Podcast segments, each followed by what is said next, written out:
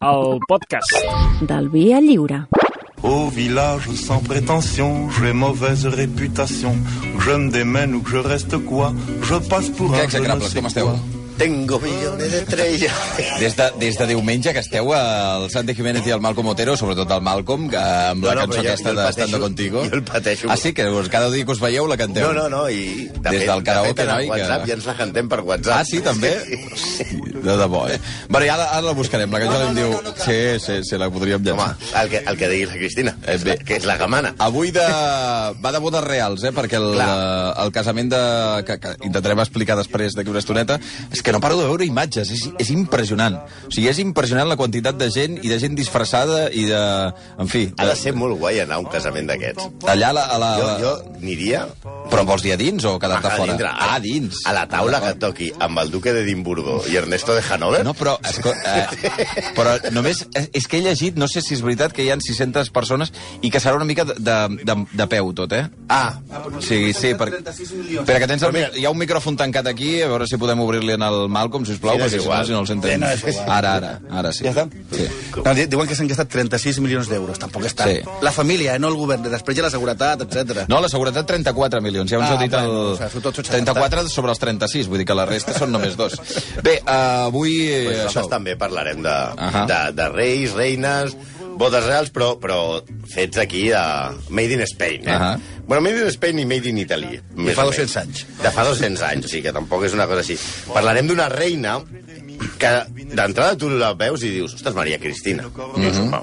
Devia fer coses ben fetes. Sense... Quina Maria Cristina? Maria Cristina de Borbón i dos Sicílies. Que, eh, de- Vega, més, Sicília. més d'un, no? Va, després va haver una altra Maria Cristina, Ah, després us ho explicarem. va. D'acord, d'acord. Eh, ella, d'entrada, quan va, va ser reina regent, va llevar els béns de l'Església, les desamortitzacions, va introduir les dues cambres parlamentàries, amb la qual cosa va, vol dir que va crear el Senat, cosa que vol dir que 155. el 155 i que, i, que, i que hi ha una sèrie de gent que ha passat amb millor vida en vida, que són els senadors, perquè quan diuen que un polític mor i passa millor vida és que es Va al Senat. va al Senat, eh, que va, va perdonar els liberals que estaven a l'exili, va inspirar al final de la forca com a pena capital, que abans eh, eh, s'executava la gent a Espanya a la forca, i una reina que això, mira com ara passa, per això ho dèiem, es va casar per amor, com en els contes de Disney. Mm. Però també va ser ai, la, la pionera de la corrupció a Espanya, va institucionalitzar el tràfic d'influències, la veritable creadora de, de la mordida del 3%, que en aquest cas no és 3% ni, ni, ni de conya. Ni en aquest ni en cap, però vaja. no, ni aquest ni en cap, no?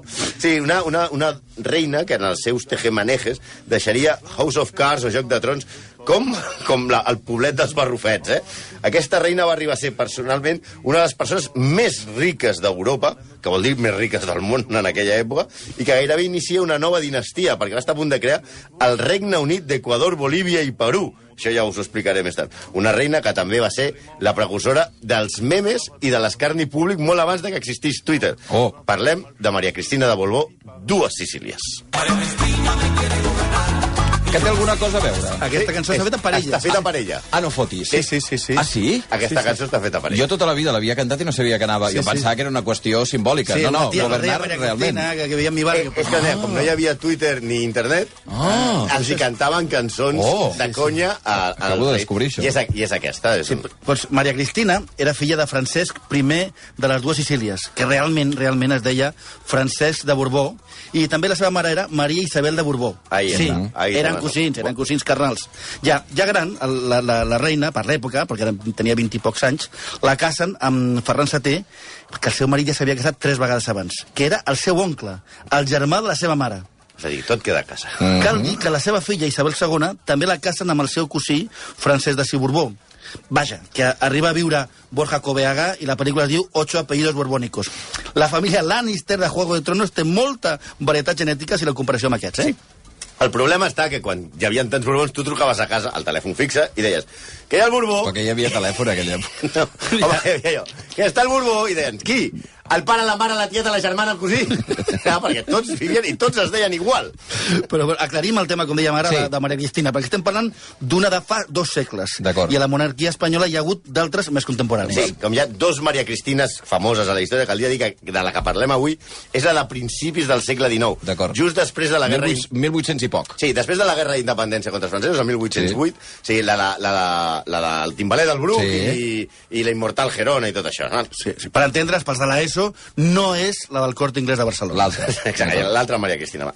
Sempre, eh, parlàvem de la història d'amor, i avui que és un gran dia perquè es casen Meghan i Harry, eh, Maria Cristina i Ferran Seté es casen molt enamorats.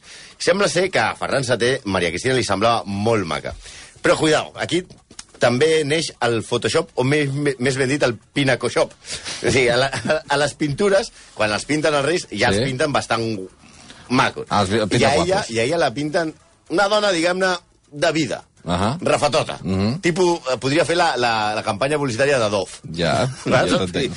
Però va tenir molt mala sort perquè en aquella època, al final de la seva vida, va aparèixer la fotografia i no havia aparegut al Photoshop. I aleshores la veiem tal com era. Ja, ja, ja. De, de fet, el Marquès de Villaurrutia la descriu de la següent manera. Era considerada Cristina como hermosa, no por la corrección de sus facciones, anem malament.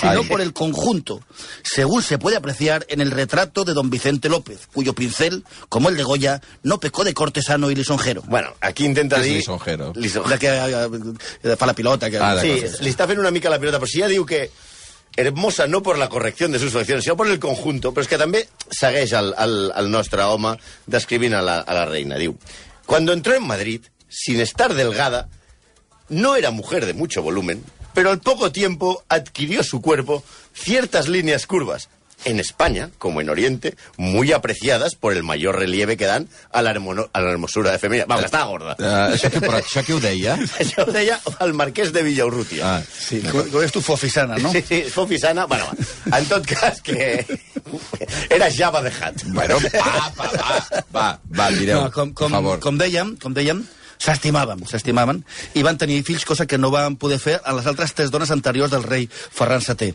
que no solament va ser un covard davant dels francesos, sinó que també un animal. Una de les seves anteriors dones estava de part i va perdre el coneixement, eh, i al moment de, en el moment del part va, va perdre el coneixement. I eh, el rei, pensant que el seu fill no, no naixeria, va fer que l'obrissin en canal Ai, La, la cesària borbònica, que es diu. i, escl i esclar, va matar la mare i el nen.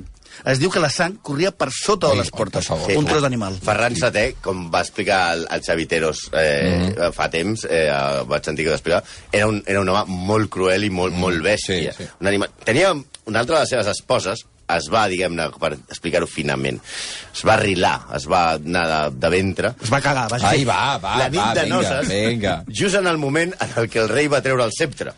El rei va muntar en còlera rei, i va cridar a tota la cort perquè va dir, perquè ho veiessin i li expliquessin a la seva dona el que havia de fer. Se suposa que el Consejo Real va néixer aquell dia. Però que, que sí. Però si no ha quedat clar amb la No, metàfora... jo crec que ha quedat bastant clar que- el que li passava a Ferran Sater. Però si no ha quedat clar la metàfora del tot, tenia macrosomia sí, genital. Sí, sí. És a dir, més rabo que la pantalla rosa, això sí. Uh, però el tema era Maria Cristina, m'heu dit, eh? Maria Cristina, tornem a Maria quiere Cristina. governar. Perquè, però si es mereix un home com, com Ferran Seté a la nostra història, doncs no ens podíem resistir. Ho vam intentar, però no, no, no ho podem. És més, més gros que nosaltres. Però bueno. que l'escriptor Prosper Merimé deia que el tenia Ferran Seté la cosa tan grossa com el puny a la Va, seva extremitat. eh, Va, bueno, podem tornem a avançar, Maria Cristina, podem va, va. avançar. Va, vinga. Llavors, tornem a Maria Cristina. Casada i enamorada, tan enamorada que el seu marit, el rei, mira que bonic, de regal d'aniversari li va regalar l'abolició de la forca com a pena de mort. Ahà, és a dir, tu, tu què vols que et regali? Dius, pues, una casa, un palauet... Però és millor regal, aquest. Sí, però és que la va canviar pel garrot. Ah, va. Aleshores és allò de dir... Va canviar una per l'altra. Perquè la, la, la forca era molt escatològica. Mm. Ah, no, i el garrot... Bueno, sí. Part de l'ESO escatològic vol dir amb caca, també. Vol dir que quan Ai, es pengen allò... No, que la gent, molt la gent, pesats, no, en sèrio, eh? la gent es, es cagava, es pixava a Bueno, sobre, escolta, fes el favor, Bueno, va, ja home. ca canvia, canvia el garrote, va. Sí, sí, el, el, el, li, li posen el garrote, que per cert es diu Bill, Sí. perquè, per, per, quan, perquè hi havia du, dos, dues versions. El garrot era pels nobles, aleshores, quan ho fèiem en públic i anaves amb burro i tal, era Bill. Si eres els nobles, només es feia sense públic, Eh, anaves a hi havia el garrote, ara seria el garrote premium. I l'altre. Aleshores, al principi, el poble estimava Maria Cristina. De fet, va arribar amb un vestit blau i la gent li deia el color el azul cristino. És a dir, tot bé. Però Ferran VII que era un vell prematur, que tenia gota i mala vida. Sí. I, Mira, gota, com no sé qui. com, no, com jo, la veritat. Sí. Oh. En, en, en, en una d'aquestes sembla, semblava que es moria, i Maria Cristina, que en aquell moment és una bleda, que no parlava bé eh, l'idioma, venia d'Itàlia. Ah, sí que No heu dit que venia d'Itàlia. Sí, sí, venia de, de, havia nascut a Palermo, però... Sí, de les dues Sicílies. O sigui, no tenia molt clar d'on venia. De, de fet, diuen que està una mica gràcia perquè li agrada molt el menjar napolità. I tu més, a les dues Tarragones. No, no. Sí, sí, aclara't, senyora.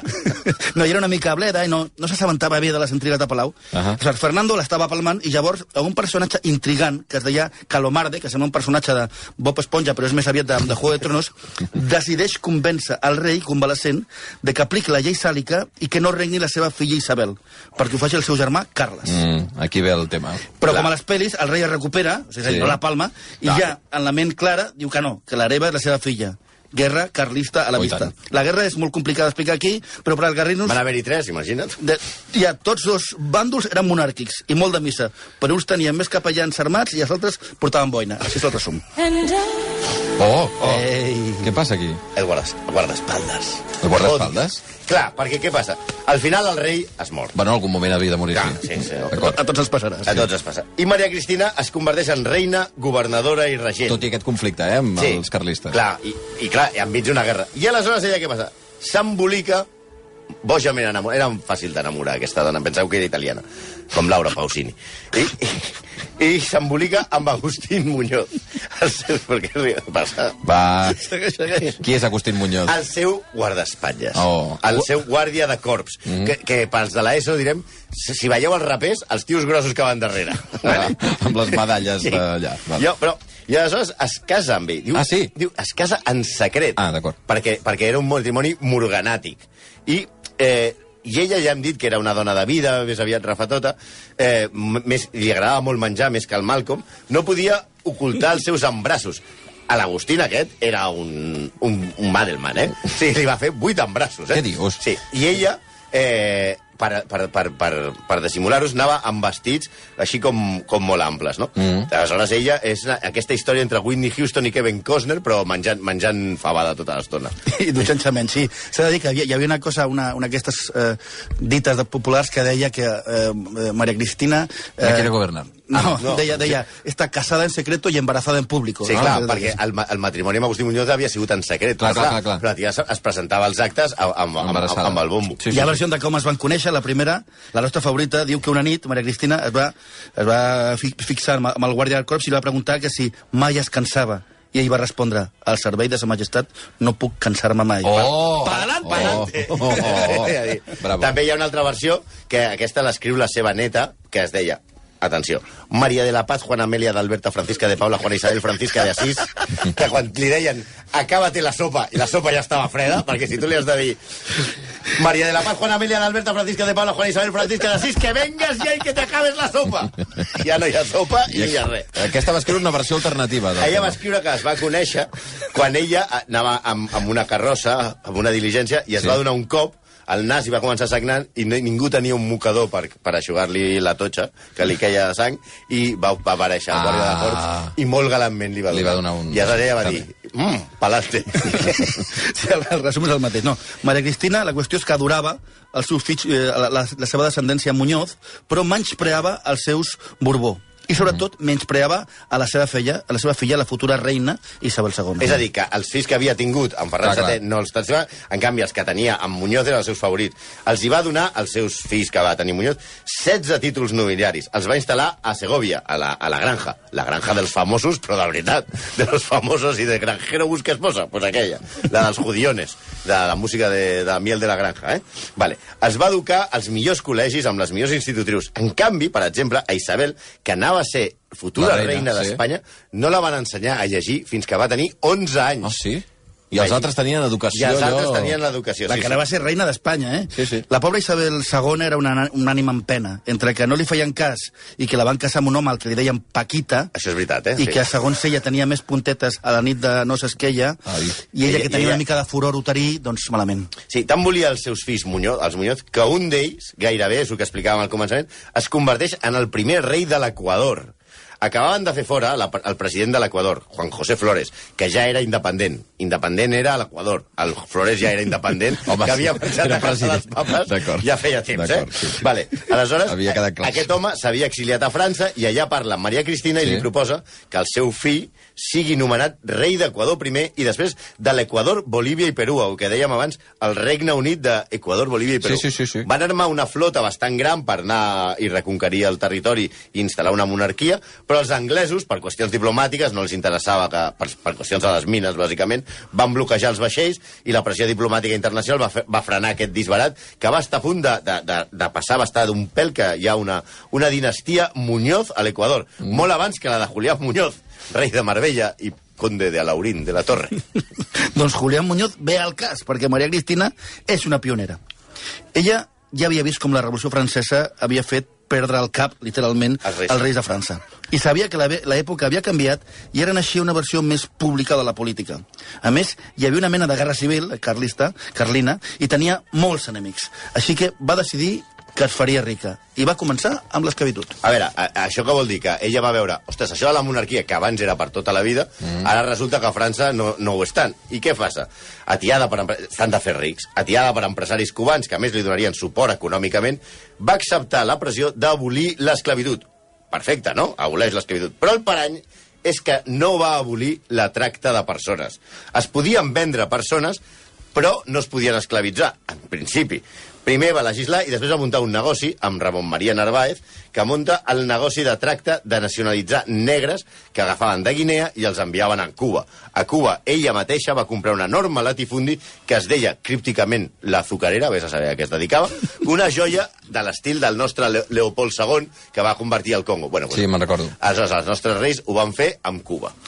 No, la veritat és que no deixava negoci sense explotar. Començava començava el ferrocarril i eh, amb milers d'estratagemes es va quedant en les mines més grans, sobretot d'Astúries. Funda l'Asturiana Mining Que Company. m'encanta el nom. Asturiana Mining Company. És bona, eh? I participa en empreses metal·lúrgiques a València i al nord. Però sobretot compra grans participacions de l'empresa del ferrocarril. El govern se n'adona que és un sector estratègic i decideix nacionalitzar l'empresa. Ella, amb informació privilegiada, un dia abans de la nacionalització de l'empresa, ven les, les accions caríssimes i guanya una fortuna. Mira, i ara ens queixem perquè fan estacions d'AVE a llocs on no, passa, no, no, no hi ha ni cabres. Fins a l'Ebre estaven els seus objectius, abans del trasbassament i els negocis de Florentino Pérez. Des de l'exili, Maria Cristina enviava cartes perquè es fes navegable a l'Ebre. Cartes i carles de, co de com seria de bo per Espanya i pels transports de mercaderies aconseguir fer navegable el riu. No ho va aconseguir, però a la seva mort es va saber que tenia tancat un acord amb una empresa que seria la encarregada d'adaptar el riu per fer-lo navegable. Era una obra immensa, tipus canal de Suez, de milions de milions de, de pessetes. I ella es portava una comissió, segurament bastant més del 3%. El que és segur és que s'hagués portat Otoe pasta. Eh? La sal. La sal. què, la sal? La sal ara... Sal de la vida. Què passa, la sal? La sal ara no és estratègica, però eh, en aquell moment era fonamental perquè conservava els aliments i era... Hi havia neveres, no? Exacte.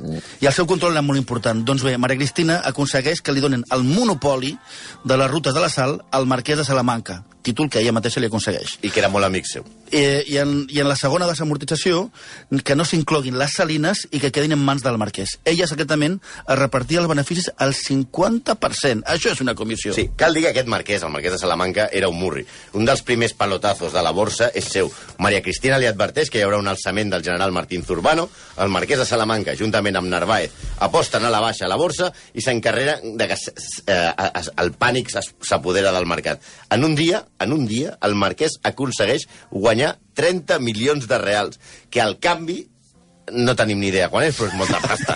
30 milions de reals, Però, Otoe, bueno, doncs d'acord. A partir d'ara ja sabem que aquesta història està semblant al Callejero de Madrid, eh? Narváez, Salamanca, Zurbano, O'Donnell, Real de Sant Luis... Sí, el mapa de, del, del Metro Madrid sembla el mapa de la corrupció. Bueno, us podeu imaginar que tenia diners i què va fer? Invertir en el sector immobiliari, no es podia saber. Tenia cases a Madrid, Roma, París i fins i tot va arribar a comprar el castell de la Melmesón, el palauet de Josefina Bonaparte. Per entendre'ns, era més gran que la casa de Pablo Iglesias a Galapagar. I terres productives per tot arreu. El matrimoni es disputava ser el més ric d'Europa. Llavors no hi havia llista Forbes. I és que va ser, fins i tot, el govern d'Espartero la va acusar de robar les joies de la corona, ella mateixa. Allò del robo de la joia, Sí. pues ella mateixa les va donar. La van expulsar dos cops del país, però ni des de l'exili Willy va deixar de conspirar per fer negoci. Escrivia cartes cada dia a tots els polítics, banquers, eh, gent influent, per, per veure si treia profit. Alguns dels membres del govern, ja quan rebien la seva carta, la posaven a la, a la safata de spam. de les, de les dues vegades que, de les dues vegades que la van expulsar del país, una, va fer, una la van fer les Corts i una altra Espartero. El motiu aparent va ser la seva venena de rua, però les seves discrepàncies amb Espartero van ser altres. El govern havia aprovat una llei inconstitucional, mira tu, per la qual seria el govern directament el que triaria els alcaldes. I més d'un ho voldria avui. Els progressistes van acudir a Espartero, que va pactar amb la reina que no signaria la llei. Ella li va dir, vale, si tu, tu formes govern, jo no sanciono la llei. Ell ho va fer, però a l'últim moment la reina va trair Espartero i va signar la llei. Mai t'ho perdonaré, Maria Cristina, mai. No, aquí no van acabar bé. I aleshores, amb tot això, el poble que l'estimava tant, què pensava? Bé, doncs aquí anem al que dèiem dels Em memes. dèieu, dels- home, em dèieu que la, la, al principi l'estimaven molt. L'estimaven tant que, per exemple, Isla Cristina a Huelva es Sí. diu així en honor seu. Li van posar el nom de, per, per, per, pels actes benèfics que feia. I, eh, però a poc a poc va passar de l'amor a l'odi, a l'odi i, i, i a l'odi a ridiculitzar-la. a ridiculitzar-la. Poc abans de la ruptura amb Espartero, la gent ja la va escridassar a Barcelona i es van crear els primers, com dèiem, els memes orals, les cançonetes, aquesta com la de Maria Cristina, me quiere gobernar, i altres, per exemple, com aquest, que la gent cantava pel carrer. Clamaban los liberales que la reina no paría. Ya ha parido más Muñozes que liberales había. Com, li agrada a la gent fer rimar les coses, eh? Bé. És, és, és curiós que... Bueno, i, i la, la cançó aquesta que em dèieu I, abans... i, que, i la de Maria Cristina, que que, a que també en contra- que va passar dels carlistes, i quan la gent, els espanyols van anar a Cuba, Sí. va, va agafar el son cubano aquest de, que va escriure això. La veritat és que totes aquestes frases ingenioses, anècdotes, coprilles, acudits... Eh, aquest estat d'ànim estava en part mogut pels seus eh, enemics. Els pesquins, rumors... Rumor pels de l'ESO és una fake news. Per anar minvant la imatge de la reina governadora, s'exageraven els seus pecats i els seus defectes. La veritat és que el poble, el que no li agradava, la veritat, era un poble el més conservador, és que es casés en segones núpcies Oh, i que tingués un matrimoni morganàtic com ara el de, el de, el d'Anglaterra. No? Clar, el, el que no es van adonar és que aquesta dona era una avançada al seu temps, una transteter. Només ella, tot el que, tot el que és Espanya avui, eh, ho resumeix ella. Corrupció, tràfic d'influències, memes, fake news, pelotados immobiliaris, Què més vols? i a més a més, i tirar-se al guardaespatlles. Les, les 11 i un minut. Uh, no no te'n vagis, No eh, Santi? Bueno, si vols quedar amb Malcolm, perquè de seguida venen els pantalles amb una de les No, no, pel·lícules vaig, tios, no, no, del, no, no, no. del cap de, del cap de setmana. De, som els Avengers del Via Lliure. Una de les pel·lícules del, del cap de setmana, exacte, que és la de Borg McEnroe, i em volia que m'expliquessis qui, qui eren. 11 i un minut, eh, anem al butllet informatiu, va.